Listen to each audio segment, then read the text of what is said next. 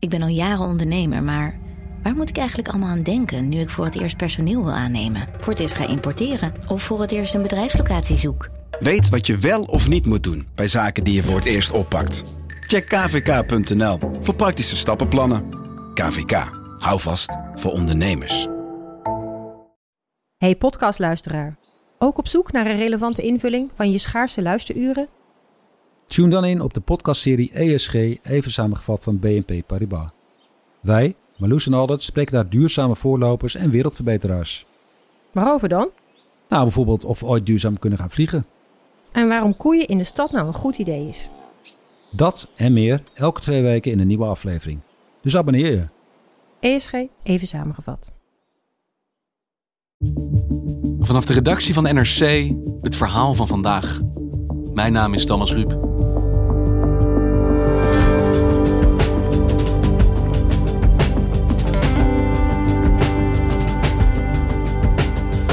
De coronacrisis heeft de grootste gevolgen voor de kwetsbaarsten in onze samenleving. Ouderen, zieken, maar ook de armsten. Mensen die afhankelijk zijn van anderen om elke week rond te komen, om te kunnen eten. Verslaggever Shaila Kamerman bezocht een voedselbank in Rotterdam Zuid en zag de impact die het virus daar nu al heeft.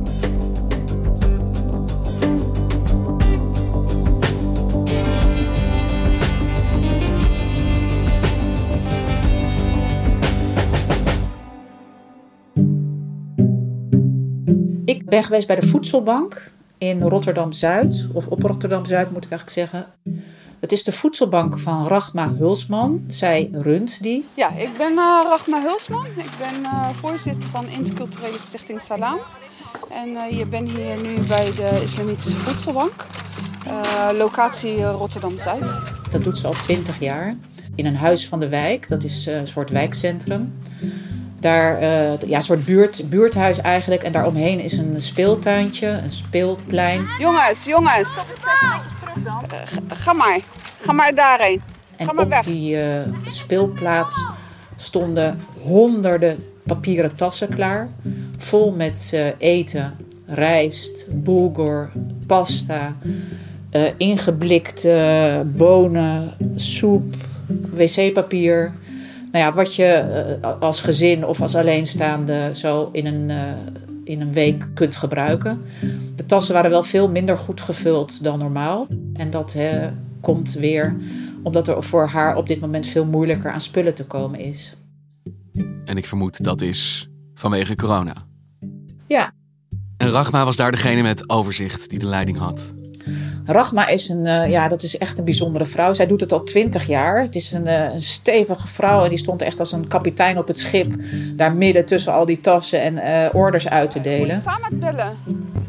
Ja, maar je kan die brood geven wat, wat daar nu... Ja. Want je moet je voorstellen, het is ook het is enorm improviseren. Zij, zij vult die tassen met wat ze krijgt. Dus um, ja, zij, zij staat daar te kijken wat er allemaal binnenkomt. En verdeelt dat zo goed mogelijk over de, de, de pakketten die ze beschikbaar kan stellen. We hebben nu uh, uh, de pakketten gemaakt voor twee weken. Dat, doe je dat altijd? Of nee, normaal gesproken is het elke week. Maar om onze vrijwilligers niet te veel te belasten. En omdat ook de spullen heel schaars zijn om te kopen en de risico's dat uh, onze vrijwilligers, maar ook onze cliënten uh, bevat worden met het virus, hebben wij ervoor besloten om, uh, om nu zeg maar om de week te, te, doen. Maar dan wel proberen voor twee. Maar dan is het misschien wel niet voldoende, want het, het, zijn flinke tassen, maar je kan hier niet met een gezin. Nee, nee, nee. nee dat is, kijk, en, dus bij de voedselbank hebben ze nu direct te maken met tekorten. Er is niet genoeg voedsel. Ja, daar hebben ze mee te maken. En er, is, er zijn geen tekorten in Nederland, om daar nog maar even helder over te zijn. Ik heb net even voor de zekerheid een, een uh, economieredacteur gebeld, Joost Pijpker, die me nog, heeft, nog eens heeft uitgelegd dat de distributie, uh, loodsen, centra vol met spullen liggen. Maar als ze in de winkels aankomen, worden ze voor een groot gedeelte meteen opgekocht door de mensen die daar geld voor hebben waardoor de schappen leeg zijn en waardoor er dus geen restpartijen zijn die uh, overblijven en gedoneerd worden aan de voedselbank traditioneel. Want van wie is zo'n voedselbank afhankelijk? Van wie krijgen zij hun eten om uit te delen? Zij krijgen de, hun eten voornamelijk van supermarkten. Ook van kleinere, bijvoorbeeld van restaurants die iets over hebben. Maar de grote bulk komt van supermarkten, restpartijen. En voor een heel groot gedeelte, vertelde Rachma, van de markt. En doordat uh, de markt er niet is, want wij krijgen normaal gesproken al uh, ja, eigenlijk wat over is uh, van de markt om vier uur. En dat, de markt is er niet, dus dat hebben we niet. Dus dat moeten we inkopen. Dat, dat speelplaatsje is vlak bij de Afrikaanse markt. En zij heeft met tien marktkooplui daar afgesproken. Met name marktkooplui die waar met groente en fruit staan uh, dat zij aan het eind van de dag, van de marktdag, uh, krijgt wat ze niet verkocht uh, hebben. Maar de, de, markten zitten dicht in Rotterdam. Dat geldt overigens niet voor, voor, voor heel Nederland. Bijvoorbeeld in Den Haag is de markt nog gewoon open. Maar in, in Rotterdam zijn ze dus gesloten. En ja, dat valt dus helemaal weg. Want zij doen geen inkopen. Ze zijn afhankelijk van giften eigenlijk om zo'n voedselbank draaiende te houden? Ja, de voedselbank van Rachma is afhankelijk van giften. Zij, zij, uh, ze, rekent erop, of zij krijgt natuurlijk het meeste, normaal gesproken. Maar op dit moment moet ze dus ook gewoon groente en fruit kopen. En andere spullen overigens ook. Zoals bijvoorbeeld wc-papier, luiers. Ze zat met haar handen in het haar omdat een aantal moeders hadden gebeld, vertelde ze mij dat ze geen babyvoeding meer konden krijgen. Uh, twee telefoontjes gehad met huilende moeders. Uh, uh, die nergens meer aan babymelk konden komen. Zij heeft toen van een, van een aardige ondernemer die een jumbo heeft in Rotterdam-Delfshaven een behoorlijk aantal pakken babyvoeding. Dus dat gaat dan om melkpoeder uh, gekregen. Dat kon ze ophalen. Ach. Dus ze was nu weer even gered. En de prijzen bij de groothandels, want wij halen onze spullen bij de groothandels. Die prijzen die schieten omhoog. Het is onvoorstelbaar uh, dat je, uh, wat, waar ik normaal 20 euro een zak rijst voor betaalde, dat ik er nu 29 euro voor moest betalen. En, uh, en dat is niet het enige. pasta is ook van 35 cent naar, naar 45 cent gegaan een pakje. Het zijn, het zijn allemaal dubbeltjes, maar nu kost het me extra ruim 2000 euro per maand. Zij moet dat dus voor een groot deel nu inkopen. En dat maakt het dus wel extra moeilijk om, om voldoende uh, spullen te, te krijgen. Want wie zijn de mensen die afhankelijk zijn van deze voedselbank? Wie komen daar? Ja, mensen die, die echt heel weinig geld te besteden hebben. Dat zijn, en, dan, en dan bedoel ik echt heel weinig. Nog niet eens dat je alleen van een uitkering moet leven. Maar dat zijn mensen die bijvoorbeeld in de schuldsanering zitten. Of uh, onder bewindvoering staan. Dus um, ja, de, de meeste mensen die, uh, die zitten ruim onder die 180 euro grens die wij hanteren. Dat is 180 per? Per maand, per wat, ze over mogen houden. Dus al onze gezinnen zitten ruim onder, dat, uh, onder die limiet. Dus zeg, zeg maar ongeveer 40 à 50 euro per week leefgeld. Dit, dit is ongeveer voor een normaal, normaal gezin van vier, vijf mensen. Dat is natuurlijk ontzettend weinig. Dan moet je eten kopen voor zeg maar 40, 50 euro per week. Dat is onmogelijk. Daar kan je niet uh, de hele week van eten. Dus zij zijn echt afhankelijk van het extra eten wat ze krijgen van de voedselbank. En wie komen er dan naar die voedselbank van Rachma? Het is een islamitische voedselbank, zo heet het. Stichting Salam. Maar er komen relatief veel moslims, omdat de pakketten halal zijn. Maar er zijn, komen zeker ook uh, niet-moslims. Ja, uh, je moet eigenlijk denken dat 75% van onze cliënten zijn, hebben islamitische achtergrond. Al dan niet praktiserend. Want, uh, ja, Zeker niet. Nee. maar de andere overige 25% ja, zijn met of zonder geloof. Dat maakt, maakt niks uit. Sowieso hanteren wij niet, wij vragen niet wat voor geloof je. Ja, Rachma die, ehm, die is eh, twintig jaar geleden al begonnen. Hij organiseerde activiteiten in de wijk, onder meer op Zuid, Rotterdam-Zuid, maar ook eh, elders in Rotterdam, voor vrouwen en meisjes. En zij hoorde in gesprekken met die vrouwen dat er, uh, dat er ja, veel armoede was. En ze zei: Oké, nou we vragen aan mensen die wat kwijt kunnen of zij wat extra producten kunnen doneren. En dat, zet ik dan, dat stop ik dan in tasjes en zet ik gewoon voor de deur. Nou, dat, dat, die tasjes waren allemaal heel snel weg. En ze merkte dat er enorm veel vraag naar was. En zo is hij langzamerhand eh, uitgebreid. Uh, naar uh, steeds meer pakketten verspreiden. Nou, zo ging het balletje rollen eigenlijk. En het meest schokkende was eigenlijk voor mij dat op een gegeven moment een buurvrouw naar mij toe kwam. En aan de buitenkant zag je niks aan die vrouw dat die vrouw het eigenlijk slecht had. En toen zei ze, ik pik eigenlijk om de dag brood bij de Jumbo.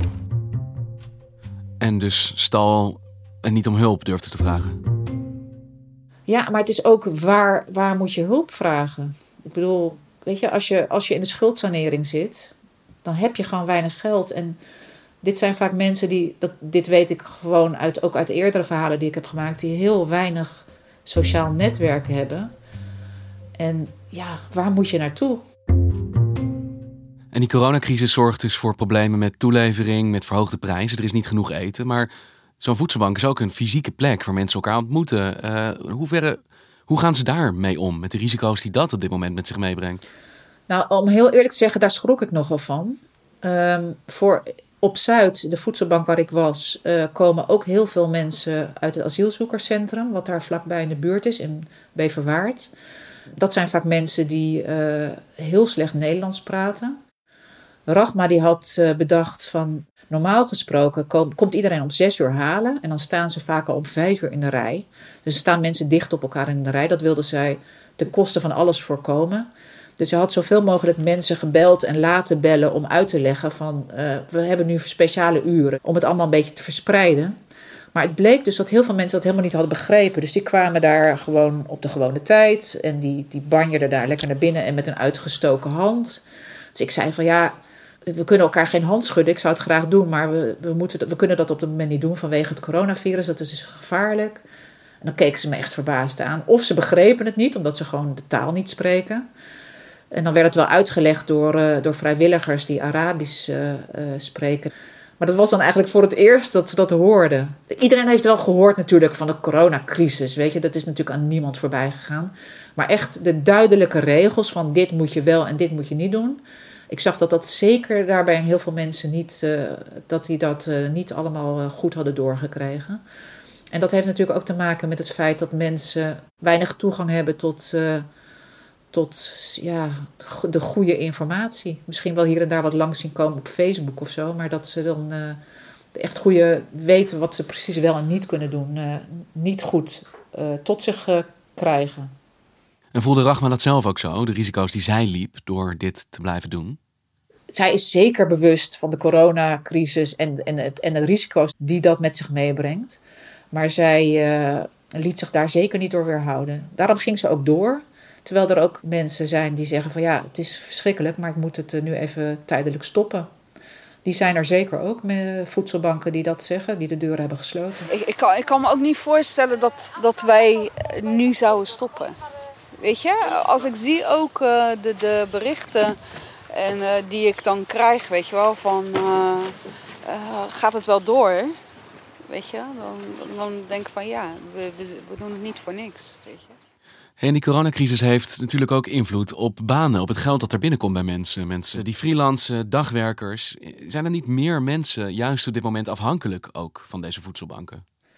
Daarvoor duurt de coronacrisis nog een beetje kort. Hè? Omdat, omdat mensen, dat mensen daar al voor aankloppen. Maar um, ik, ik was daar en Rashid Abdelati kwam binnenrijden met een uh, auto en daarachter een aanhanger vol groenten. Hij staat normaal gesproken op de markt en is een van die koopmannen die um, heeft afgesproken met Rachma dat hij, wat hij over heeft aan het eind van de dag hij aan de voedselbank doneert. Maar hij zat dus van de ene op de andere dag sinds een aantal dagen uh, zonder werk. En wat hij nog in zijn lood zat liggen voor één dag op de markt staan, heeft hij dus in één keer gedoneerd. Dat was, dat was toen heel prettig, eind vorige week. Maar daarna is, heeft hij uiteraard niks meer ingekocht, want hij kan het niet meer verkopen.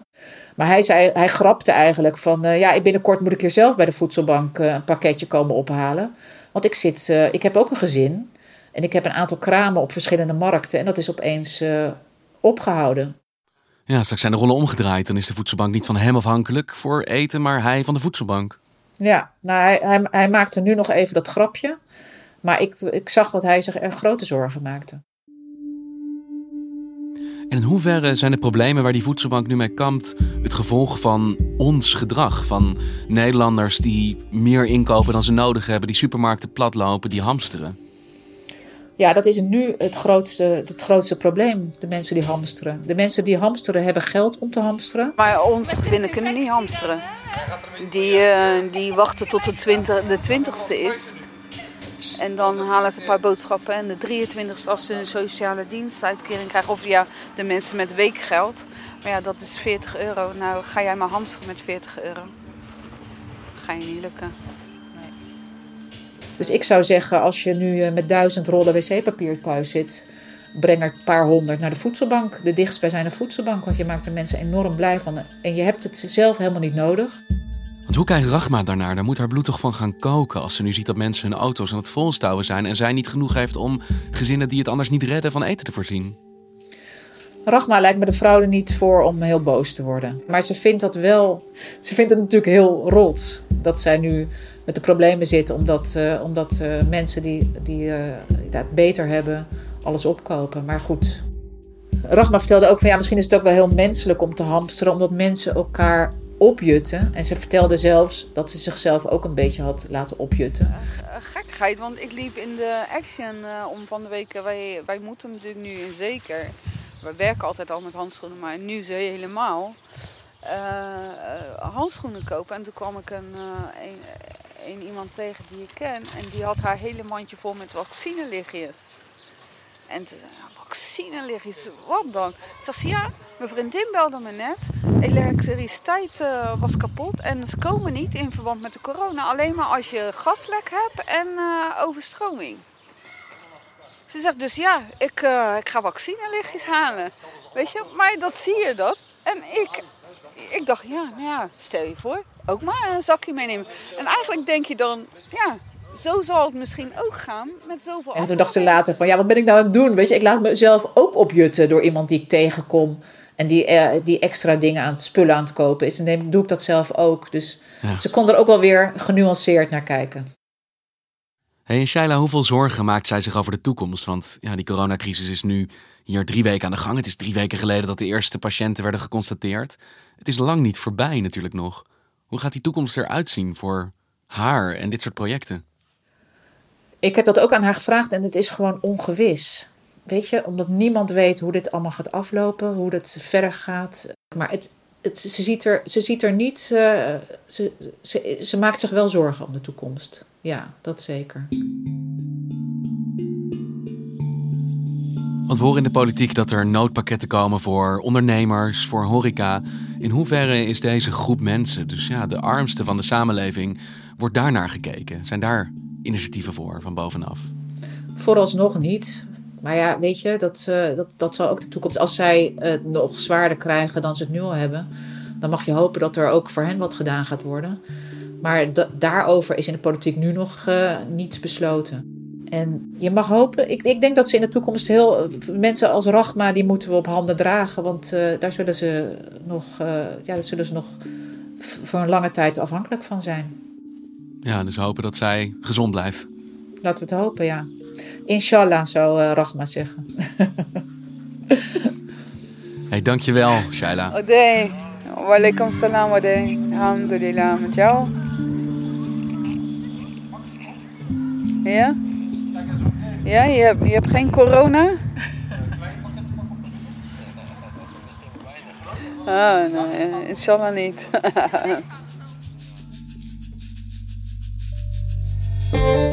Je luistert naar vandaag en we volgen de ontwikkelingen rond de corona-uitbraak natuurlijk op de voet.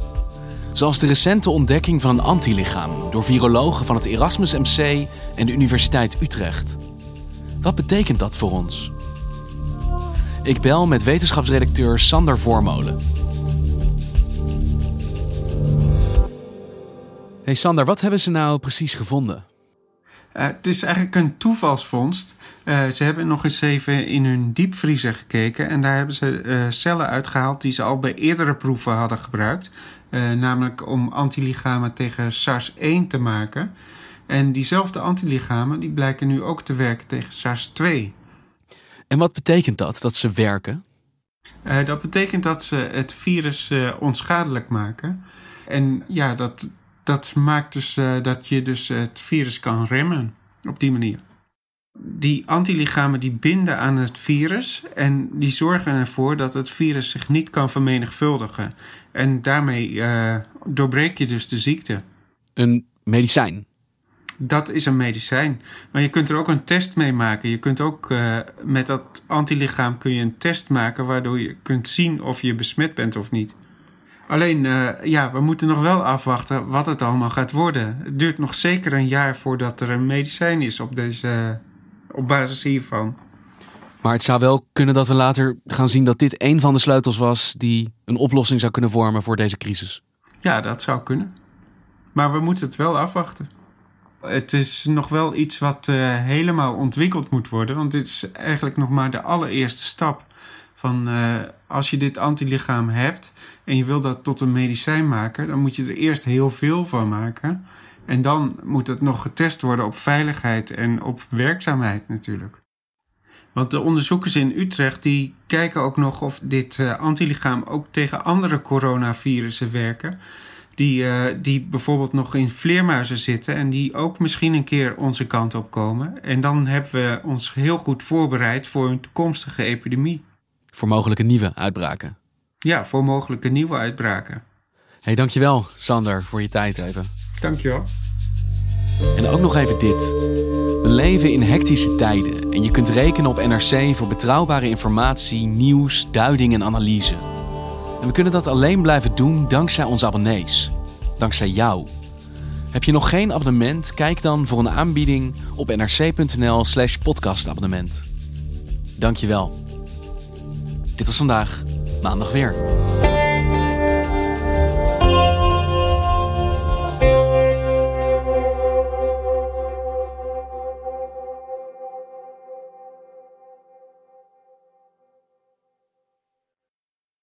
Technologie lijkt tegenwoordig het antwoord op iedere uitdaging.